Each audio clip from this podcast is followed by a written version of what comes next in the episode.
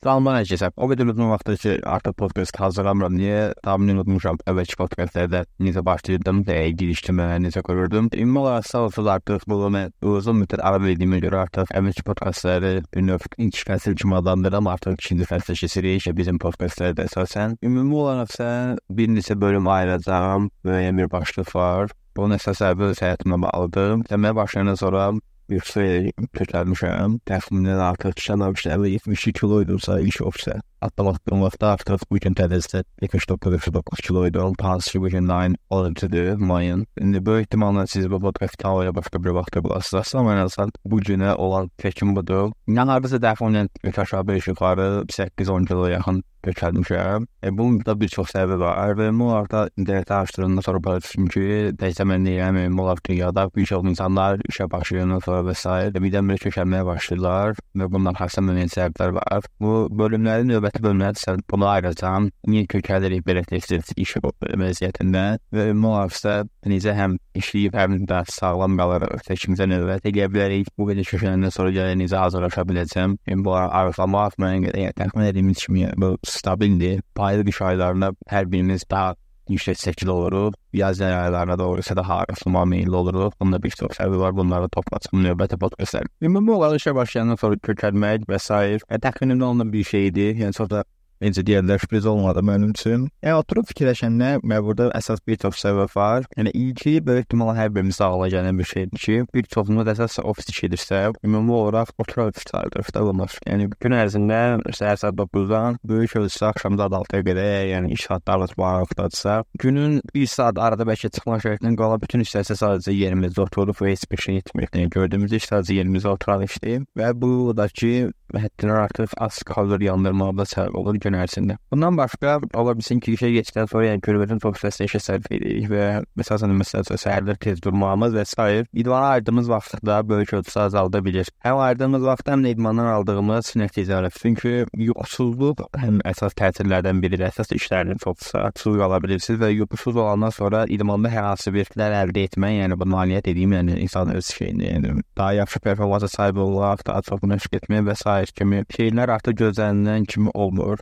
Yəni yuxu hər bir şeyə birbaşa təsir edir. Həmçinin daha az yatmaq o demək ki, daha uzun müddət oyaq oluruq və bu da öz növbəsində daha uzun müddət oyaqsa demək ki, daha çox yemək yemək üçün vaxtınız və şansınız olur. Bu da özündə gətirib bizi kökəltməyə səbəbiyyət verir. Bundan başqa digər səbəblər stress ola bilər. Müəyyən qədər ilk dəfədə işə başlayırsınızsa, iş iş yerinizdə və s. yəni bunun özünün gətirdiyi sözsüz ki, bir stress olacaq. Ümumi olaraq da işə öyrənərək kimi ən azından nə etməli olduğunuzu, ətrafda olan insanlara adaptasiya olmaq üçün və s. ekstra bir stress yaranır burada. Sözsüz ki, burada stresslə bağlı müəyyən qədər daşlıqlar da var. Çünki mən çox zaman eşidirəm ki, stres insanı arıqladır və s. ya daha doğrusu el arasında belə danışılır. Amma əslində baxsaq elmi yanaşmaya və s. burada əsasən stres bizi kökəldir. Yəni stres bəzi insanlar arıqlada bilər. Sözsüz ki, yəni biz burada necə deyirlər, istisnalar qaydanı pozmur. Amma ümumilikdə yanaşanda stres insanı həm daha çox yeməyə vadar edir. Əsasən də öz emosiyalarına görə yemək yeyən insan tipləri də olur. Burada vəbşi artıq daha çox yeməyə vurur. Bu, amma ümumilikdə isə stres bizi daha çox acdırır. Acdırmasa belə daha çox yeməyə yeməyə meyil elətdirir. Bundan başqa yəni yeməkdə mövzu yemək keçmişkən elə yemək olaraq yeməklərə də toxunmaq lazımdır. Belə deyək ki, ümumi ev şəraitində olanda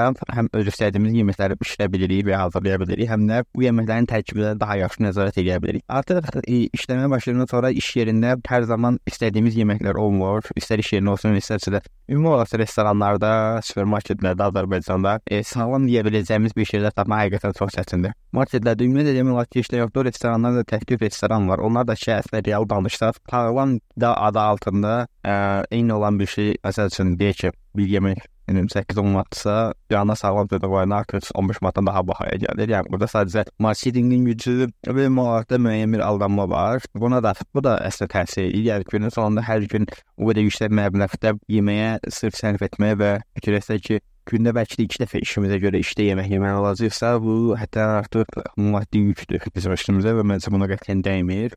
Burada ümumi olaraq sağlam qida tapa bilmirik deyə istər-istəməz məcbur oluruq ki, qeyri-sağlam qidalardan daha çox yeyək və bu da fiziki kökəlməyə gətirib çıxardır. Ümumi olaraq nə etmək olar ki, müəyyən qədər bulaq tarazlaşdıraq. Görürüz onda iş elə bir şey ki, bizə hər zaman ehtiyacımız var. Ömrümüz vaxtına qədər işləyəcəm, nə dərsə hər zaman Övrüz vaxtına qədər dediyim nə, ümumi deyiləm ki, övrüz vaxtına qədər işləməyə məcbur qalıram. Yəni ümumi olaraq hər azdan böyük bir hissəsini həyatımızın işləməklə də keçirdəcəyik. Burada müəyyən bir şeylər etmək lazımdır. Yəni günün sonunda işləyirik və bu bəhanə edərək daim olaraq kökəlmək olmaz. Yəni bu günün sonunda sağlamlığımız həyatımıza təsir edir və bu iş həyatımıza təsir edir sözsüz ki. Burada biləcəyim bir əsas şeylər sözsüz ki, elə yemək kökəlməyimizdə səbəb yemək olduğuna görə yeməkdən başlamaq lazımdır. Ən yaxşı mənim fikrimdə odur ki, ən azından görə orada yeməyini evdən aparmaq, evdə bir gün əvvəldən axşamdan elə istədiyimiz yeməyi hazırlamaq. Burada əsasən e, lava şərəfə dürməklər məncə idealıdır. Həm daşımaq cəhətdən, həm də aparıb gətirmək cəhətdən, adı qalmağı, çox vaxt etməyə ehtiyac yoxdur onları.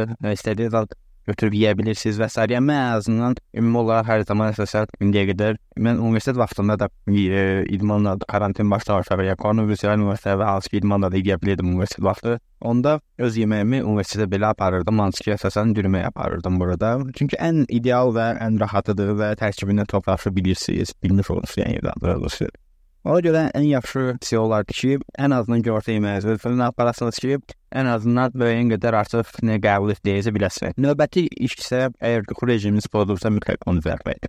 Yuxu ilə bağlı unsur podkastımız var, ona da gedib qulaq asa bilərsiniz. Amma qısaca bunu deyə bilərəm ki, onsuz da iş saatları stabil olduğu üçün əksər hallarda ən azından işin başlaması saatı stabil olduğu üçün hər gün saat neçə durma olduğunu bilirsiniz. Buna uyğun olaraq həmin saatdan qədər 8 saat yatmalıdır. Məsələn, deyək ki, əgər saat 8-də duracaqsınızsa, elə edin ki, artıq 12-də mütləq yatmış olun. Amma 12-də yatağa girməyin. 12-də artıq yatmış olun. Sonra 11-dən artıq yatmağa başlayın ki, o 1 saatda yuxuya getmək və s. Ümumi olaraq gecə gecədə də deyək ki, 5-10 dəqiqə bir oyanmağa məcbur qaldınız və s.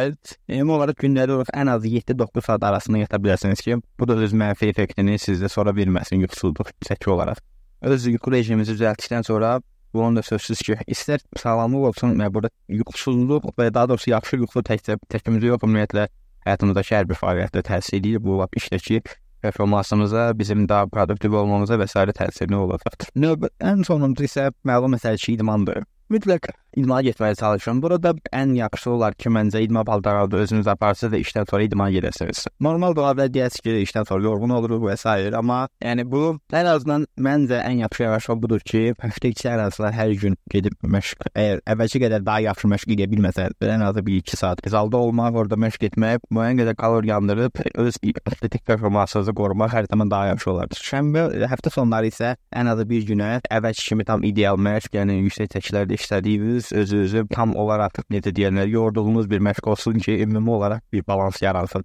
Yəni Məşqlə bağlı heç vaxt şey fikirləşməyin ki, ayda bu yol olsuz gedib əvvəlki kimi yaxşı məşq edə bilməyəcəm, onda heç bir yerdə getməyim. Yəni bu yanaşmaya da olmayın. Hər zaman bunu fikirləşin ki, bu gün gedib 10 dəqiqəlik bir məşq etsəm belə, bu mənim üçün bir faydadır, bu mənim üçün bir qazancdır. Yəni bu ilə yanaşmaq lazımdır. Yəni bir şey etmək, hiss etməməkdən hər zaman daha yaxşıdır və yaxud da deyilir, e, ən pis plan belə heç bir plan olmasılar hər zaman daha yaxşıdır. Çünki ən azından ortada bir şey olur, bir effort var və bunun nəticəsi sözsüz ki, sizə sonradan müəyyəndir. İşdən sonra idmana getməyin də ən yaxşı tərəfi odur ki, evə getmək istərsəməz artıq evə çatandan sonra insan daha da tənbəlləşir, elə ya bir şeylər yemək istəyir, ya oyun oynamaq, kompüterdə olsun, PlayStation və ya da başqa bir oyun konsolunda və ya da elə yatmaq istəyir və televizora baxmaq və s. Yəni bunun üçün elə ona görə işə paltarlar aparın və iş yerinizə ən yaxın olan zala gedin ki, vaxtı çox itirməyəsiniz. Onsuz da işdən çıxandan sonra bir də ona fikirləşmək lazımdır ki, onsuz da hər yerdə çoxlu taclar olur. Onsuz da evə getməyə görə yolda 2-3 saat bitirməli oluruq. Yəni bu həmin o 1-2 saatı və ya 3 saata, yəni o iş yeriniz evə arasındakı məsafədən az sonra dəyişəcək bu.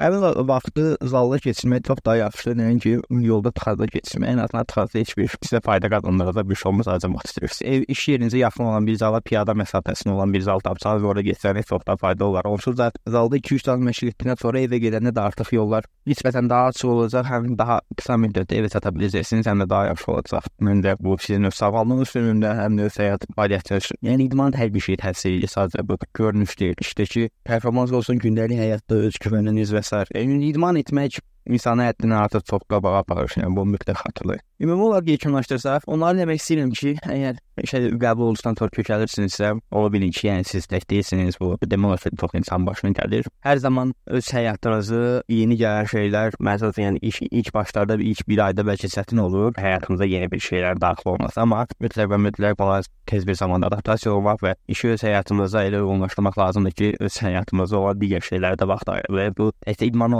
idman və sağlamlıq olmasın, digər insanlar və s. sosiallaşmamız hər bir şey. Yəni ona görə hər zaman planlı olmaq lazımdır və ən əsası da özümüzə hədəflər qoyanda mütləq realistik hədəflər qoyun. Heç vaxt birdən-birə məsəl üçün mən indi işə başlayandan artıq 5-6 ay keçib və 8-10 kilo kökəlmişəmsə özümə başda qoysam ki, bir ay 8 kilo artıqlayıram. Bu absurd olar və mən heç vaxt bu çata bilmərəm bu məqsədə. Əslində çata bilərəm, amma bu sadəcə mənə daha çox ziyan verəcək və heç bir faydası olmayacaq. Ona görə zaman özünüzə realistik hədəflər qoyun və bu hədəfə çatmaq üçün planlar qurun. Özünüzə yaxşı baxın. Hələlik.